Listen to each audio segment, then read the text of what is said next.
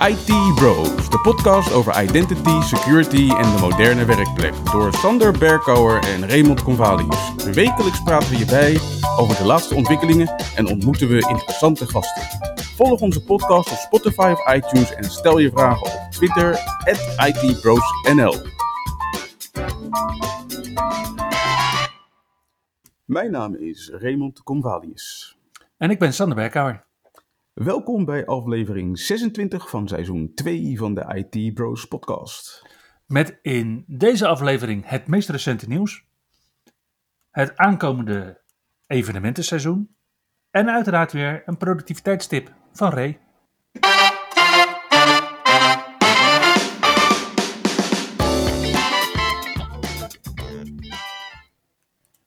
Het was weer een week met behoorlijk wat nieuws, eh, Ray.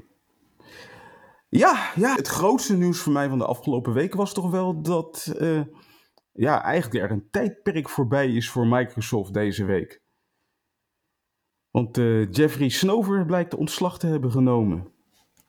Ja, na 22 jaar bij Microsoft. Tja, ja, je hebt van die mensen waarbij ik altijd het gevoel heb gehad dat ze tot hun pensioen bij Microsoft zouden blijven werken. En dan, uh, ja, verrassen ze je op een zekere dag. En dat is uh, zeker deze week gebeurd met Jeffrey Snover. Ik bedoel, uh, Jeffrey ken ik al best wel heel erg lang. Hij heeft ook 22 jaar Microsoft gewerkt. Ik denk van die 22 jaar ken ik hem een jaar of 20. Sinds dat hij uh, startte met de ontwikkeling van PowerShell. Ja, en hij is echt wel, ja, ik denk dat hij de man is geweest binnen het bedrijf die ja, toch wel de grootste stempel heeft gedrukt op de producten van de afgelopen 20 jaar. Ja, maar PowerShell is af. Blijkbaar. En Jeffrey Snover gaat wat anders doen. Wat hij gaat doen is nog niet bekend. Ja, misschien gaat hij wel gewoon met pensioen. Volgens mij is hij nog niet zo oud. Aan de ja. andere kant. Misschien is hij inmiddels wel zo bemiddeld dat hij gewoon kan stoppen met werken. Dus uh, you just ja. never know. Ja, je weet het niet. Uh, maar totdat Jeffrey aangeeft wat hij gaat doen, uh, kunnen we alleen maar gissen. Ja, inderdaad. In ieder geval, uh, ik heb wel gezien dat dit een enorme impact heeft gehad op de hele PowerShell community. Iedereen wenst hem uh, het aller, allerbeste toe. Ja. En we zullen hem echt wel missen bij Microsoft. Ja, je zag weer precies uh, alle oude PowerShell MVP's, oh sorry, Cloud en Data Center Management MVP's, hun hand opsteken, inderdaad. En verder was er natuurlijk nieuws rondom Windows 11. Uiteraard. Deze week weer een nieuwe release in de Dev Channel. Versie 25.151 ging in première op 29 juni. Deze week geen grote nieuwe features, wel een heleboel fixes voor dingetjes die zijn opgelost. En in de beta channel, nou goed, daar zijn we nog steeds op uh, beeld uh, 22.621.160 inmiddels. Mm -hmm. Wat dus uh, de preview is voor de aankomende 22H2.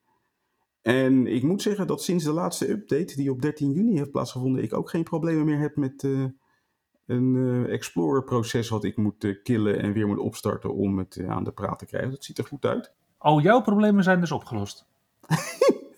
Mijn problemen zijn inderdaad de wereld uit.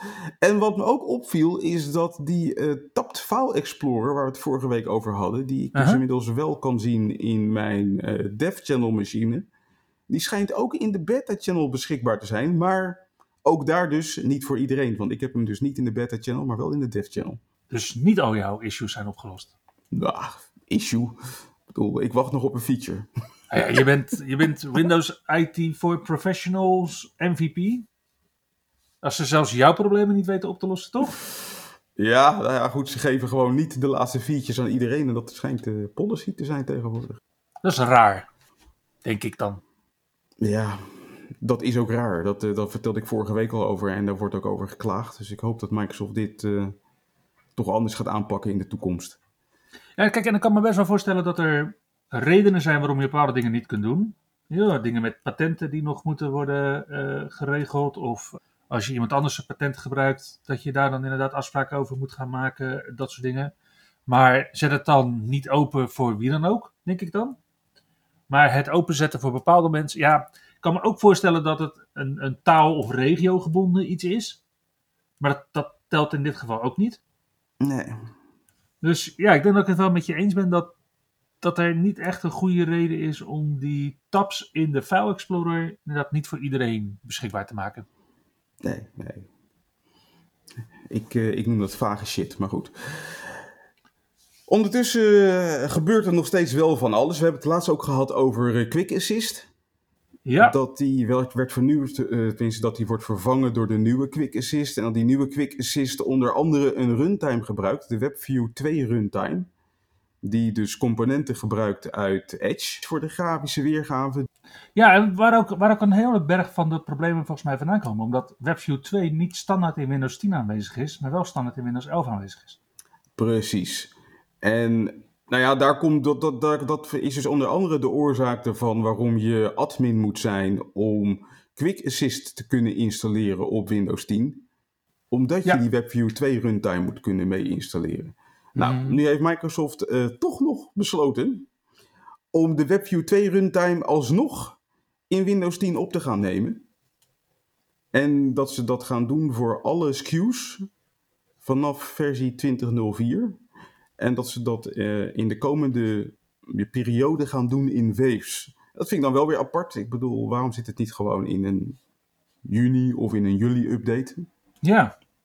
Maar wat beheerders dus gaan zien is dat je dus dadelijk de monthly community update hebt.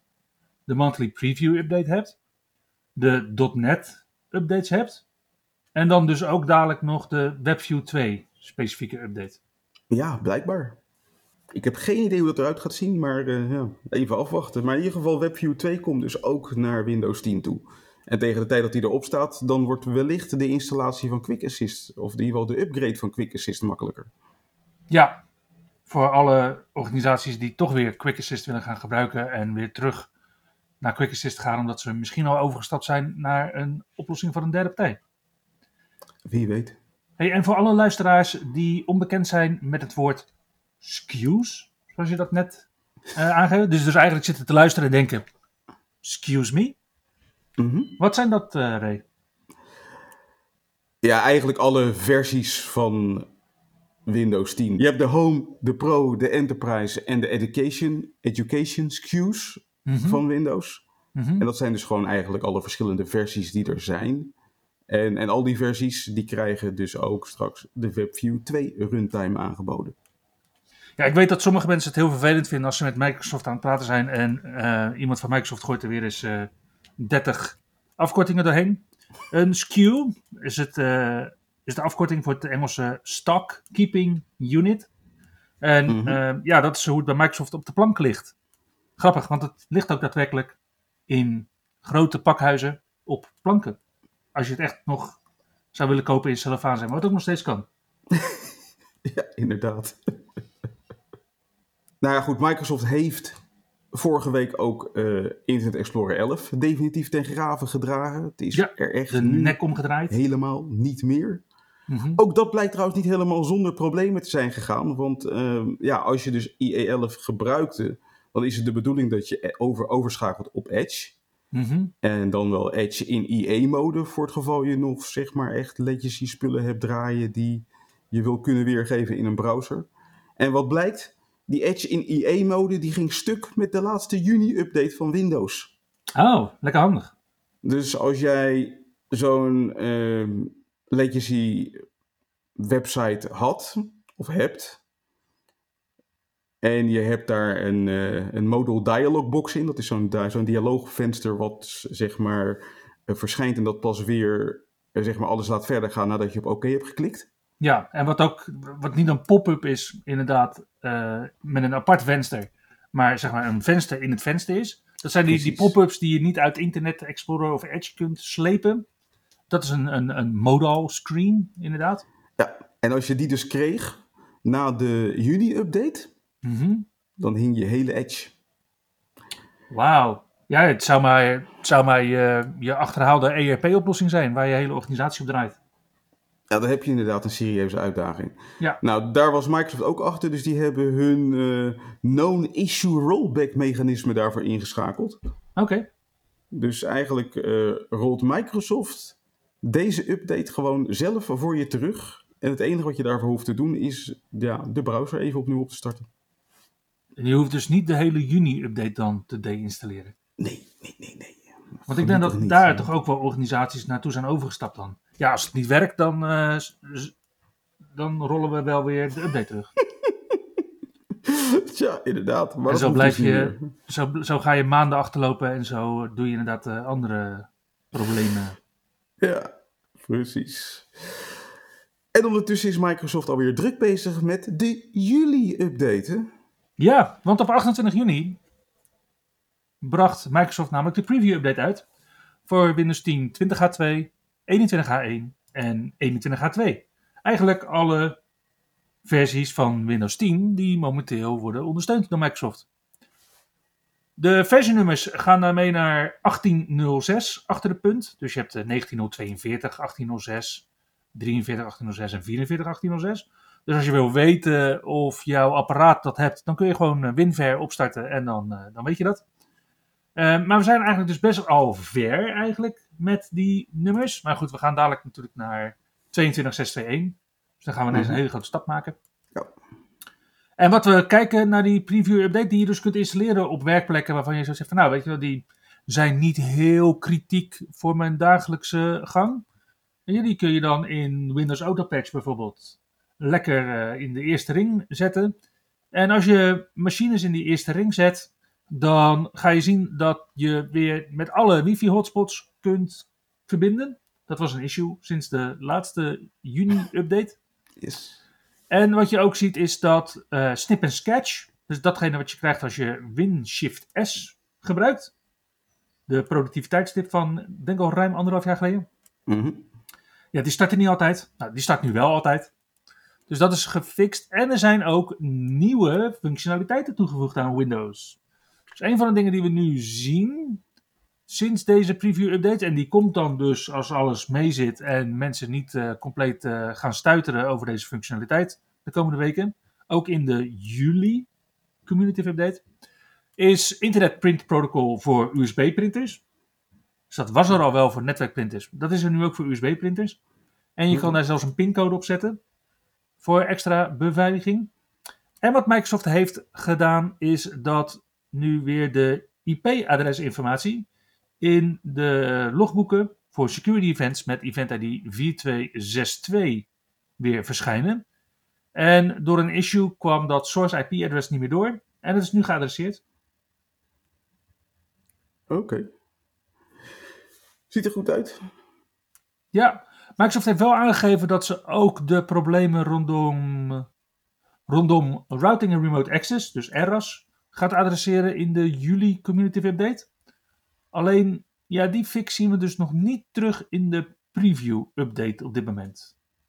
Hm, Oké, zijn ze misschien nog niet helemaal klaar mee. Ja, we kunnen daardoor misschien ook een vraagteken zetten of het dan gaat lukken om het in de juli update wel mee te krijgen. Het zal namelijk nog niet getest zijn door heel veel mensen. Dat denk ik ook niet, nee. Dus ja, ik, ik zie dan een aantal scenario's. Of het zit in de juli community update. En hebben we in augustus nog een update op de update op de update. Mhm.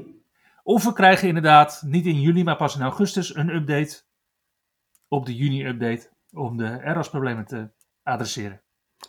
Yes. Dan heeft Microsoft afgelopen week een nieuwe feature GA gemaakt voor de Microsoft 365 web apps gebruikers. Ja. Ja, en dan, dan maak je het eigenlijk al misschien weer heel erg klein. Maar het is inderdaad primair gericht op iedereen die Word on the web, Excel on the web, PowerPoint on the web, Outlook on the web. En let op hè, wat ik nu zeg. OneDrive voor de web. Ik geloof dat die jongens nog niet de memo hebben gekregen dat alles on the web is en niet meer voor de web. En Outlook was vroeger ook Outlook, Outlook Web Access. Toen werd het Outlook voor de web, toen werd het Outlook on the web. Ja. Maar ja, je zou denken dat het inderdaad voor mensen zijn die dat voornamelijk gebruiken. Het is ook een feature waar je iets van gaat merken als je bijvoorbeeld eh, SharePoint gebruikt. Het Microsoft 365 beheercentrum, dus admin.microsoft.com. En Office.com en andere startpagina's die iets doen met Microsoft 365. En de feature heet de Idle Session Timeout. Nou, bij mij in het portal staat hij nog keurig netjes als eh, preview gemarkeerd, maar hij is inderdaad generally available. Mhm. En dit is een feature die eh, werkt gelijk tenant breed. En Microsoft gaat hem uitrollen automatisch naar iedereen tussen juni 2022, dus dat is uh, nou ja, per vandaag, zeg maar, tot augustus 2022. Ja. En wat je dus kunt doen, is dat je tenant breed een idle session timeout kunt definiëren in, uh, in minuten. Er zijn standaard opties voor 1 uur, 3 uur, 6 uur, 12 uur en 24 uur. En dat betekent dat op het moment dat iemand dan dus een sessie heeft die die is vergeten in zijn webbrowser, dan komt daar een, komt die weer hè, als een boomerang terug, een modal screen verschijnt. Die aangeeft van, goh, als je verder wil, dan uh, moet je je sessie vernieuwen. En uh, dat betekent dus ook, en dat is het grote verschil, dat alle informatie die dan dus achter dat modal screen staan, dus niet meer beschikbaar zijn. Kan je niet meer kopiëren, kan je niet meer, in het meeste geval ook niet meer zien. En op het moment dat je dan dus die notificatie te lang laat staan, betekent het dus ook gewoon dat je netjes wordt afgemeld. In SharePoint kennen we deze functionaliteit al een tijdje. Daar mhm. hebben we ook uh, standaardtijden als 4 uur, 8 uur en kunnen we ook de notificatie timeout uh, inzetten. Op het moment dat je hem tenant breed korter zet dan dat je hem in SharePoint hebt gezet, dan doet hij in SharePoint het natuurlijk niet meer. Zet je hem in SharePoint korter, dan geldt dat alleen voor SharePoint en doen de tenant brede instellingen tenant breed van toepassing zijn. Oké. In het lijstje trouwens wat je hier hebt staan van al die Microsoft 365 apps ontbreekt vreemd genoeg uh, Teams on the web. Ja, dat zou je denken. Maar ik kan me ook nog hele grote discussies herinneren rondom conditional access in Teams. En dat ze inderdaad zeiden van ja, maar Teams maakt wel heel erg gebruik van Exchange Online en SharePoint Online. En daar kwam toen op een gegeven moment ook die Office 365 suite vandaan in conditional access. Ah, oké. Dat je dat in één klap ook voor de hele suite kon aangeven. En Teams zit hier inderdaad niet in. Maar op het moment dat, eh, dat, dat je in Teams natuurlijk iets aan het doen bent in een document wat op SharePoint is opgeslagen, zal dat wel ook van toepassing zijn. Dus je krijgt dan gewoon een timeout voor dat deel in Teams. Oké. Heb je Teams op je mobiele telefoon staan en doe je daar weinig mee bellen, dan zal het niet ineens zijn dat Teams op je mobiele telefoon ineens stopt met werken. Want dat is natuurlijk functionaliteit die Microsoft niet zomaar de nek om wil draaien. Maar goed, dat is natuurlijk ook niet Teams on the web wat je gebruikt op je telefoon, hoop ik in ieder geval. Ja, het kan natuurlijk uh, ook een, een PWA zijn, uh, dat soort dingen hè, natuurlijk, die je kunt gebruiken. True. Toch lijkt het me niet de meest praktische manier om uh, op je mobiele apparaat gebruik te maken van Teams. Ja, tenzij je meerdere accounts hebt natuurlijk. Dan is de Teams client op je telefoon prima in staat om daarmee om te gaan. In tegenstelling tot de Teams client op je PC. Ja, want in Teams op de PC duurt het zo'n, tenminste bij mij altijd, zo'n vijf minuten om te switchen. Ja, maar je kan ook niet op meerdere accounts ingelogd zijn met Teams op je PC. Nee. En dat kan met Teams op je telefoon wel. Althans, oh, op iOS kan dat gewoon. Oké. Weer wat geleerd vandaag. Ja. En als je dan toch hebt over eh, Teams on the web. Teams on the web heeft uh, sinds de afgelopen maand een aantal interessante nieuwe features gekregen. Ik denk uh, toch wel features waar velen van ons ook lang op hebben zitten te wachten. Zo hebben we nu eindelijk, eindelijk hebben we custom backgrounds gekregen. Joepie! Finally. En daarnaast uh, heeft Teams on the Web nu ook live captions in 27 talen. Ze hebben het aantal talen flink uitgebreid. Waaronder mm Duits, Japans, Hindi en Braziliaans Portugees. En er zit support in voor wat heet Communication Access Real-Time Translation. Dat wil zeggen dat die de ondertiteling ook nog eens real-time voor je kan vertalen naar andere talen. Gewoon in de Teams webapp. Yes. Wauw. Mooie ontwikkeling. En als we het dan toch hebben over Microsoft apps en hoe je richting Microsoft apps authenticeert, dan doet deze week ook de Cybersecurity and Infrastructure Security Agency, voor Intimi ook wel bekend als de CISA, een duit in het zakje. Want die adviseert nu al om moderne authenticatie in te schakelen voor Exchange Online. En wat de CISA aangeeft in hun uh, nette officiële communicatie, en ik ga het niet eens vertalen, is all agencies should take urgent steps to switch to modern authentication before October 1st, 2022. Zo, ze zijn daar ook wakker geworden. Ja, iemand heeft een, eh, een steen opgelicht en zegt: Kijk nou toch? Tja, Ja, hier, hier moesten we het ook nog even over hebben. voor 1 oktober. Ja. Wat ik wel weer heel erg goed vind is dat de CISA dan heel concreet een aantal dingen aangeeft. Namelijk dat je de sign-in logs in Azure AD kunt filteren op Legacy Authentication Clients als client app. Dus je hoeft niet specifiek met een Azure Log Analytics workspace aan de gang. Maar het werkt wel heel erg veel lekkerder dan dit filter. En wat de CISA ook goed aangeeft, en ik merk dat sommige organisaties dat toch nog niet helemaal doorhebben, maar als jij een Azure AD tenant hebt van voor augustus 2017, dan staat standaard, dat vind je Turn-on Modern Authentication for Outlook 2013 voor Windows en later, niet standaard aan. Mm.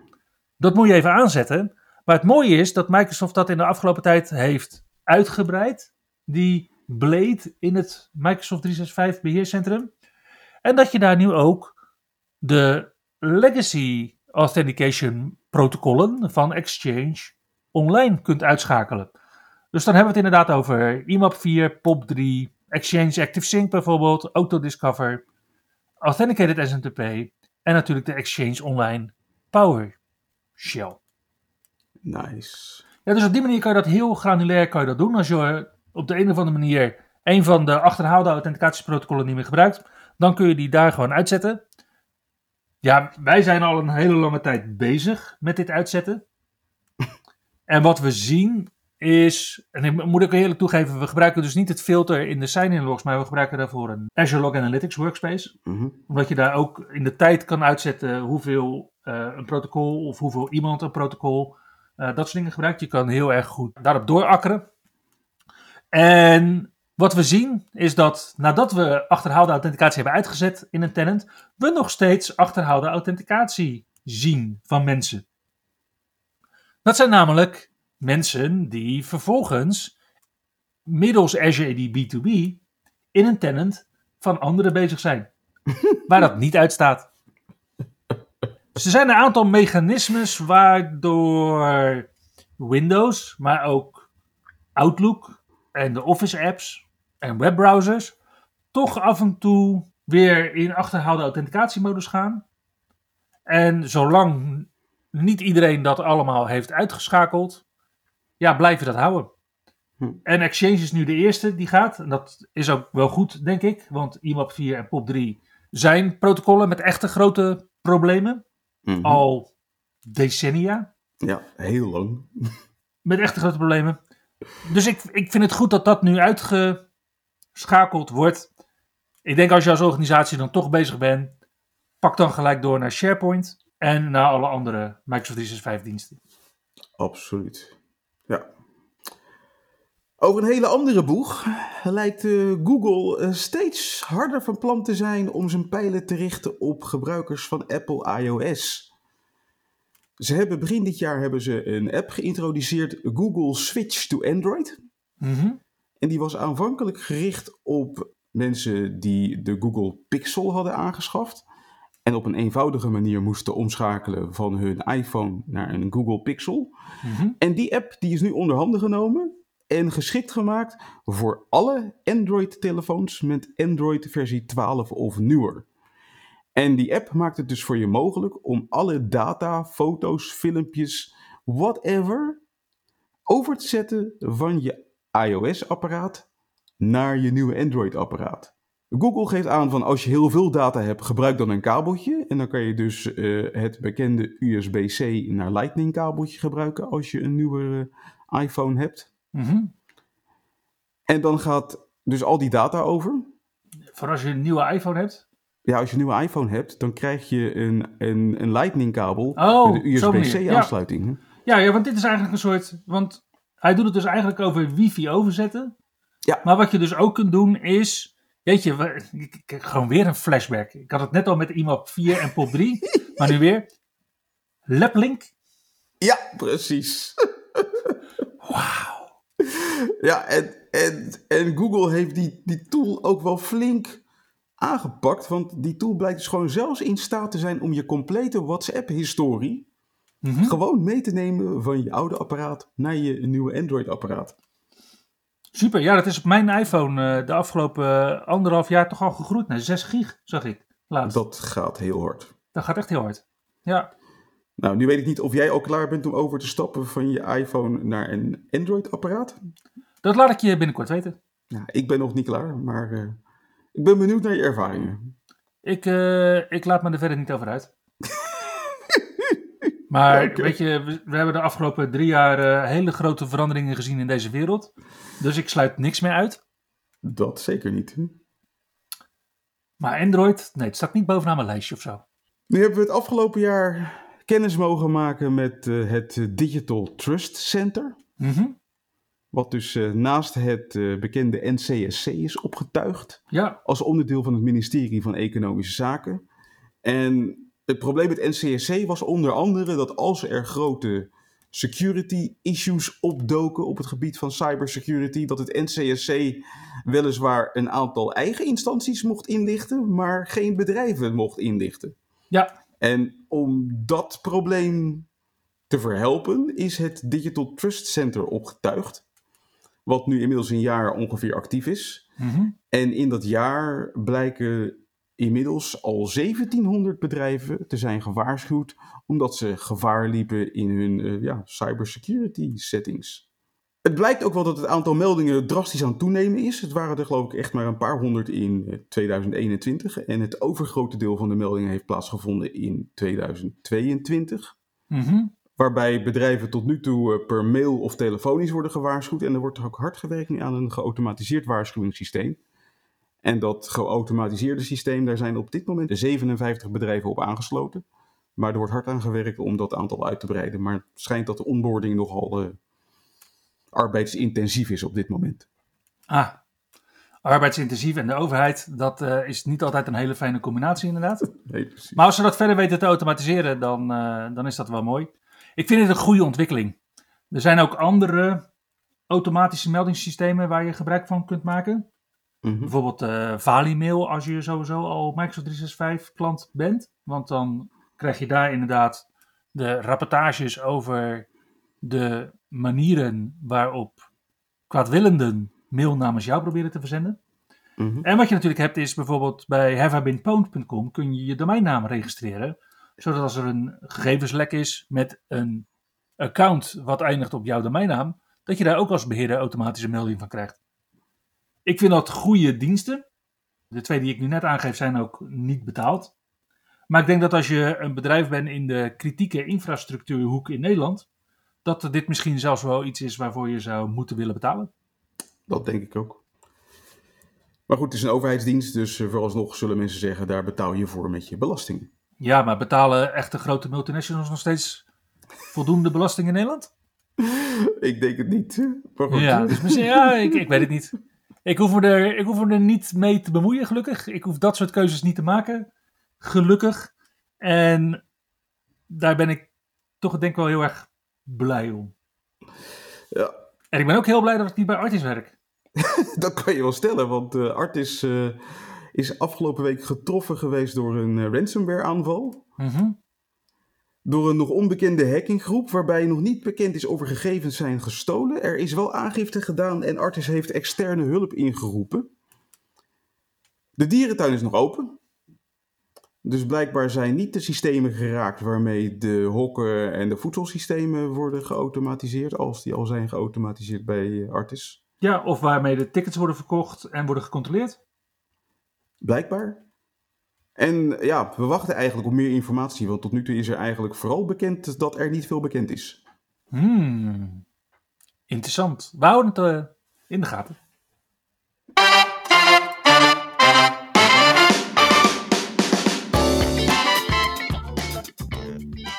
Volgende week zijn er geen geplande evenementen. Nee, de zomervakantie is in aantocht. Het wordt komkommertijd. Mhm. En ja, eigenlijk hebben we dat nooit, denk ik, goed uitgelegd in het anderhalve seizoen wat we nu al draaien met eh, deze podcast. Maar wat we heel sterk zien, is dat er eigenlijk twee evenementenseizoenen zijn per jaar. Waarbij het echt eh, druk is qua evenementen. Waarin het ook voor ons als sprekers af en toe hollen of stilstaan is.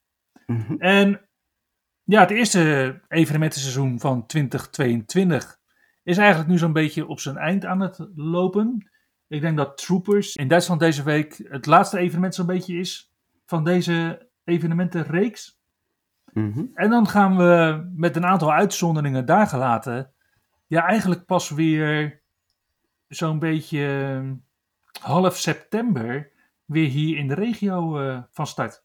Tja, Nou, mocht je geïnteresseerd zijn in die uitzonderingen, dan loodsen we je even een beetje deze zomer door met een aantal grote namen.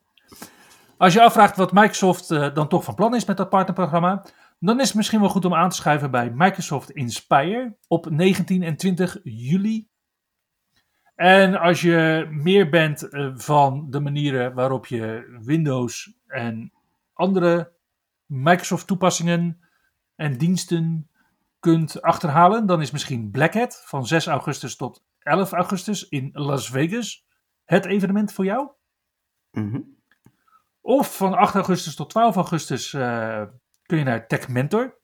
Dat is eh, in Redmond op het Microsoft hoofdkantoor in het, eh, in het EBC. Daar hebben ze een evenement met allerlei sprekers die daar presenteren over hoe je dingen doet met Microsoft toepassingen en diensten. En we hebben natuurlijk van 11 augustus tot 14 augustus DEFCON 30. Ja, daarmee zijn we de maand augustus alweer door eigenlijk. Want dan Mhm. gaan we in september weer verder aan deze kant van de plas. Om te beginnen in september met het jaarlijkse KNVI-evenement. Ja, wat nu op 7 september staat gepland.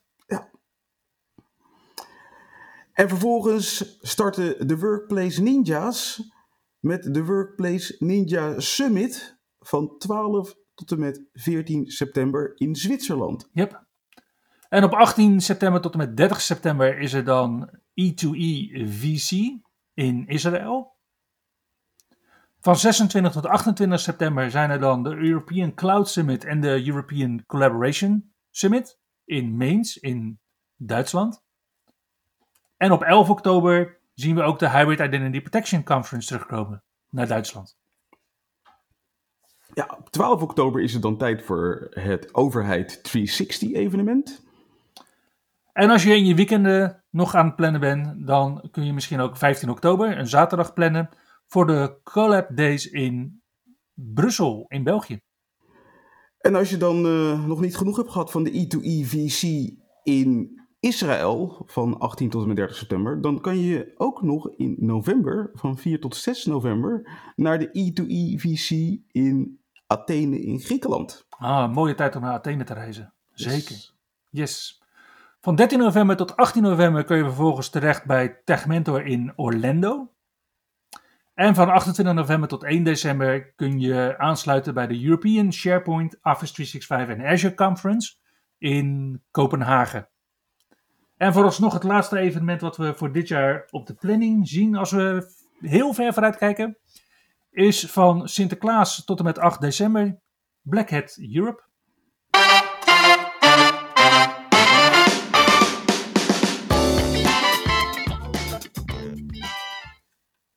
En Ray, wat is de productiviteitstip voor deze week? Ja, voor de productiviteitstip van deze week grijp ik toch wel even terug naar een, een ouder onderwerp, namelijk virtuele desktops. Ik heb hier een tijdje best wel intensief gebruik van gemaakt. Op de een of andere manier de laatste tijd toch weer iets minder. Dat je zeg maar aparte desktops gebruikt voor verschillende momenten op de dag of voor verschillende werkzaamheden. Mhm. Je hebt het dan niet over VDI, wat door je organisatie wordt aangeboden, maar de meerdere desktop functionaliteit in Windows zelf, toch? Precies, dat je in Windows meerdere desktops kan aanleggen. En ja, mijn probleem wat ik daarmee af en toe nog steeds heb, is dat die functionaliteit werkt op zich wel heel leuk. Dus je kan eh, vensters starten op aparte desktops. Mhm. Alleen, ja, mijn ervaring is in ieder geval dat je dan bijvoorbeeld ergens op een shortcut klikt. Op een snelkoppeling. Op een snelkoppeling klikt, inderdaad. En dat hij dan opeens terugspringt naar een venster in een van je andere desktops. En dat je dat dan niet altijd eh doorhebt. Maar goed. Het idee erachter is leuk. En ik zal het eh, zo nu en dan toch nog blijven uitproberen. En er horen toch ook wel een paar leuke keyboard shortcuts bij. En die zijn toch wel handig om af en toe nog even uit de lappenmand te trekken. Ja, nou, nou ben ik, nou ben ik wel heel benieuwd welke sneltoetscombinaties uh, jij gaat delen. Want als ik inderdaad uh, meerdere virtuele bureaubladen gebruik Mhm. en ik ben aan het switchen, ik word, ik word, ja misschien word ik wel te snel, maar ik word altijd een beetje zeeziek als ik dat aan het doen ben. Dus ik ben wel heel benieuwd of, je, of er een, een, een sneltoetscombinatie is uh, waarbij ik uh, gebaat ben. Nou ja, de, de, de, makkelijkste denk ik is toch wel wanneer je een nieuwe desktop nodig hebt. Dat je dan uh, gebruik maakt van Windows Ctrl-D van desktop. Oké. Okay. Als je dan vervolgens wil schakelen tussen je meerdere desktops, dan kan je Windows Control gebruiken in combinatie met je toetsen links en rechts. Hmm. En dan ga je heel makkelijk van desktop 1 naar desktop 2 en weer terug en zo. Ja. En als je dan weer van een desktop af wil, dan schijnt er dus ook nog te zijn Windows Control F4. Voor als je baas langs loopt. Ja, precies. En dan is die desktop gewoon in één keer weg. en die laatste die kende ik eigenlijk niet. En die vond ik toch wel erg handig om ook even mee te nemen in uh, mijn lijstje. Windows Control F4. Ja. En eigenlijk best wel een hele logische. Ik bedoel, ik gebruikte altijd al Alt F4 als je heel snel van een venster af wil komen. Mhm. Als je baas aankomt lopen. Mhm. Maar je kan dus nu gewoon Windows Control F4 doen. En dan is je complete desktop weg. Ja, en jij zegt uh, Windows Control D is natuurlijk dan open een nieuwe desktop. Mhm. Maar Windows D zelf gebruikte ik natuurlijk altijd al om gewoon in één klap al mijn vensters te minimaliseren. Wat overigens ook een hele goede tip is als je baas ineens voorbij loopt. Precies. Valt helemaal niet op. Nee, nee, we proberen je ook helemaal niet op ideeën te brengen nu tijdens deze productiviteitstip. Goed, maar goed, mocht je ideeën hebben opgedaan, uh, ja, goed voor de inspiratie. Ja, you're welcome. Daarmee komen we aan het einde van aflevering 26 van seizoen 2 van de IT Bros podcast. Dankjewel voor het luisteren en tot de volgende keer. Tot de volgende keer. Je luisterde naar IT Bros, de wekelijkse podcast over identity, security en de moderne werkplek. Abonneer je op Spotify, iTunes of Google Podcast als je de volgende aflevering niet wilt missen. Heb je hints of tips? Laat dan van je horen op Twitter. @itbrosnl